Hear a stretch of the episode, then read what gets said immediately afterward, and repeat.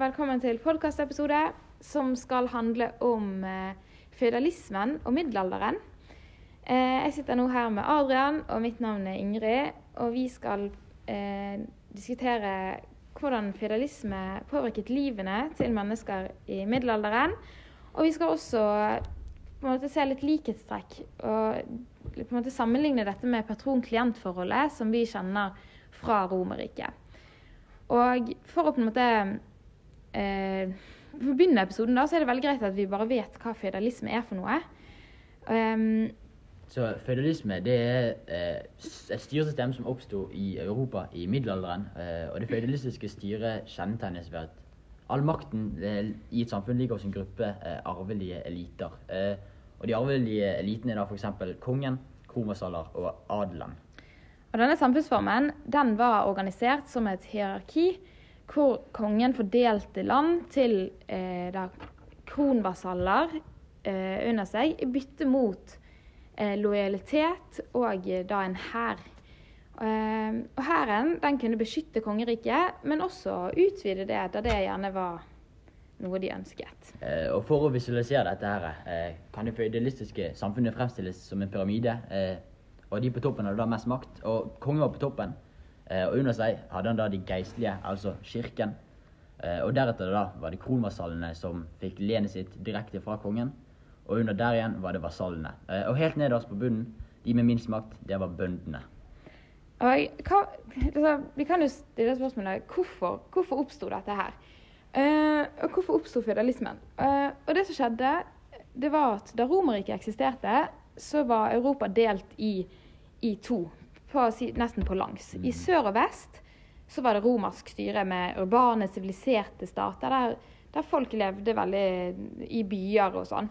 Mens i nord og øst så levde folk mye mer spredt i stammer, eh, på, gjerne på gods, og det var et mye enklere samfunnsform, da. Um, og selv om folkevandringstiden begynte før Romerrikets fall, så var det sånn at da Romerriket falt, så var det mye enklere for menneskene eh, fra stammene i nord å komme nedover i Europa. Ehm, og dette ble veldig vesentlig for føderalismens framvekst. Ehm, og liksom denne, Disse stammene fra nord de hadde en hær og de hadde en militær overklasse ehm, som gjorde at da de bosatte seg i eh, det sørlige delen av Europa, Mm. så, ehm, så ble det på en måte Så ble de en overklasse, da. Uh, Så hæren ble en overklasse i dette nye området, da? Ja. ja. Um, og um, grunnen til at de klarte dette, var på en måte at da Romerriket falt, så var det på en måte en litt sånn Det var litt fravær av både hær og, og en overklasse, da. Mm. Så dette her med folkevandringer sånn utvikler seg over mange år, eh, og skal bli til det vi kjenner i dag som eh, det føydalistiske Styre. styret. Under middelalderen. Ja. Ja, fordi Hva innebærer, hva er det som egentlig skjer i praksis i disse samfunnene? Eh, så kongen som sitter på store landområder, eh, fordeler dette ut eh, i bytte mot da lojalitet. Og, og kongen ga land til, til personer eh, som da fikk i oppgave å administrere og beskytte disse landområdene, også kalt eh, len. Eh, det er som- len, det, det er liksom landområdet, sant? Ja, det, det landområdet Ja. kongen Eller da en person ga videre. Mm. Og denne personen da som, som tok imot dette lenet, ble kalt en kronmarsall. Eh, og han bestemte da over innbyggerne som bodde i dette området. Eh, og eh, i praksis Så i praksis var dette med lojalitet, det var jo det at man skulle stille med en hær. Ja, eh, når kongen trengte det, da. når kongen trengte det. Um, og disse landområdene de var ofte veldig store. Mm. Noe som gjorde at uh, kronvasalene de, kunne, de delte gjerne opp lenet i mindre stykker til folk noen som var under seg. Eh, og da ble disse kalt vasaller. Eh, det var en kronvasall over som delte til Vasaller. vasallene under seg. Mm. Eh, og da ga disse vasallene De måtte da gi lojalitet til kronvasallen sin. På samme måte som kronvasallen ga til kongen. Absolutt. Og eh, dette, fører, dette skal vi komme litt tilbake inn til, men dette gjør at sentralmakten, altså kongen, eh, den svekkes i stor grad i disse samfunnene. Mm. Eh, og Adrian, jeg tenker at det kan være litt greit å på en måte prøve å tidsfeste eh, Føydalismen. føydalismen. Ja. Eh, og vi har jo snakket litt om at dette syns vi er litt vanskelig, eh, fordi at det skjer over Dette er en samfunnsendring som skjer over en lang tidsperiode, Mm. men også en veldig stort, stort geografisk område. Ja. Eh, og da er det jo han Karl den store som kommer til makten i Frankrike. Eh, På på rundt 800-tallet. ja. Ja. Han blir da regnet som føydalismens far, eh, da han samlet veldig store deler av Vest-Europa under seg. ja. Eh, og så er det jo litt sånn nå, sånn som vi fremstiller det, så er det veldig lett å tenke at samfunnet besto av mange mektige eliter, bra. Et godt samfunn, høres det ut som. Mhm, Det høres ut som et veldig bra samfunn. Det er Ja. jo nydelig, ikke sant? Men faktum er jo at hele 98 eh, av samfunnet besto av bønder eh, som strengt tatt nesten var slaver. De var tvunget til å arbeide. Mm. Eh, Så hvordan var livene til folk flest under føydalistisk styre, Ingrid? Um, sin, ja, som vi har nå sagt, er det at når vi snakker om folk flest, så snakker vi om bønder. Det var Mm. jo da 98 av, av Befolkningen. folk utgjorde Altså befolkningen var bønder. Eh, og bøndene, de produserte det adelen levde av. Mm. Eh, adelen de var strengt de var helt avhengig av å ha noen som arbeidet under seg. Mm. Eh, de hadde veldig få rettigheter. Eh, de, Bøndene, altså. Eh, Bøndene, Ja. altså. Hadde veldig få rettigheter. Ehm, og eh, i mange tilfeller så ble, ble bøndene livegne. Det vil si at de, de måtte liksom betale veldig store deler av avlingen sin. Og inntekter. Og, og, og de var nærmest De, de viet nærmest sitt liv til adelen. da. De, de hadde ikke eh, de, de hadde ikke egne tanker. De måtte arbeide. De måtte fra, arbeide, fra morgen til dag. fra morgen til dag. Eh, og de måtte skatte, og de måtte betale godseieren for beskyttelse. Og de satt jo ofte igjen, eh, igjen med veldig lite eh, av disse avlingene etter de hadde betalt skatten til, Ja, de satt igjen med nesten ingenting. Eh, så det vi ser da, er at livet som bonde og livet som en del av adelen er svært forskjellig. Det er nesten natt og dag. Ja. Adelen de festet, de levde ofte i borger, i luksus. Hadde folk som arbeidet for seg. Um, Men det gikk jo på bekostningen av, av, av bøndene, den undertrykte majoriteten. absolutt. Eh, og det vi ser da, er at føydalsystemet, det legger til rette for veldig store sosiale forskjeller.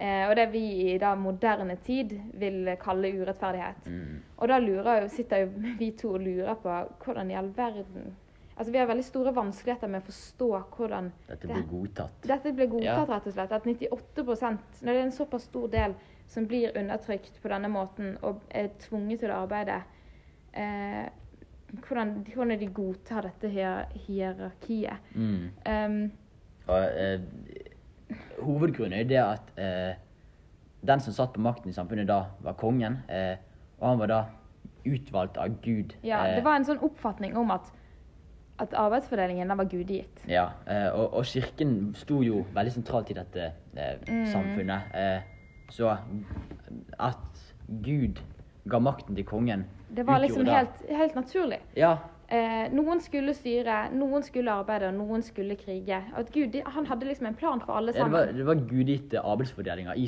i, i dette samfunnet. Mm.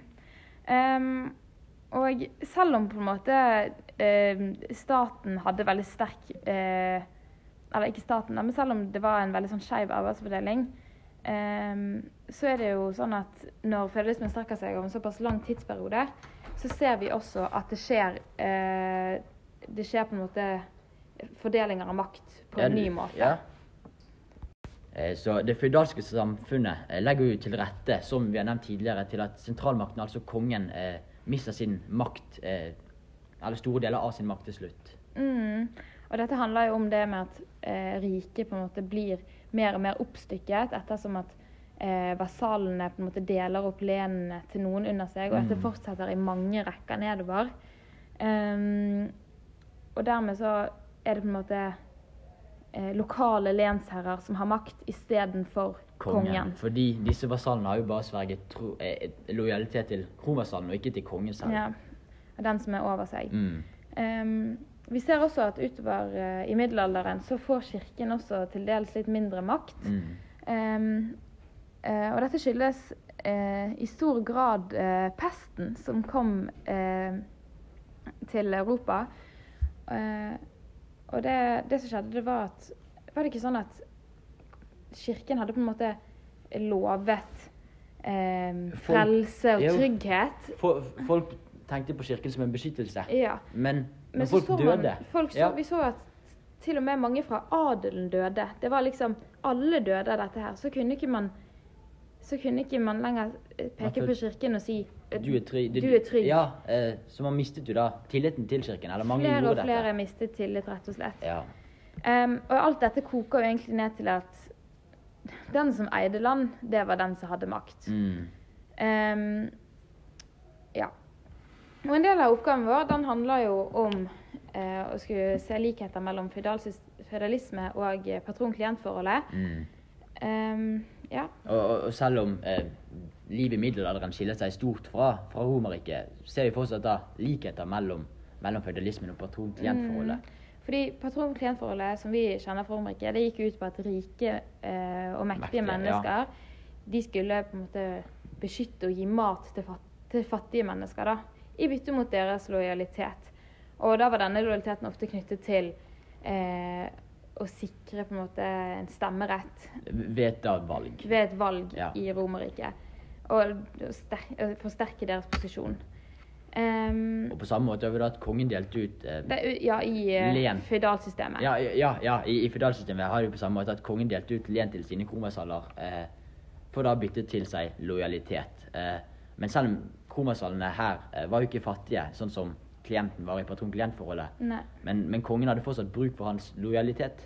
Ja, i form av krig og sånn. Ja. Um, og et annet eksempel som er litt liksom lenger nede, det er jo måten på en måte de livegne bøndene, som, som tidligere nevnt, måtte betale godseieren for beskyttelse og sånn. Um, ja, og at på en måte eh, Selv om det kanskje her virker som at det er litt mer brutalt enn for Så, så har begge nytte av hverandre. så har begge nytte av hverandre. Mm. Eh, den bonden eh, produserer ting til eh, eh, godseieren, mens han får et sted å arbeide. ja. Bonden får et sted å arbeide og sånn. Yep. Um, vi snakket jo også om dette at vi ser at forholdet som patron-klient-forholdet var jo med på å opprettholde det at At en liten gruppe eh, mennesker, en liten elite, eh, styrte hele Roma. Ja, eller Romerriket.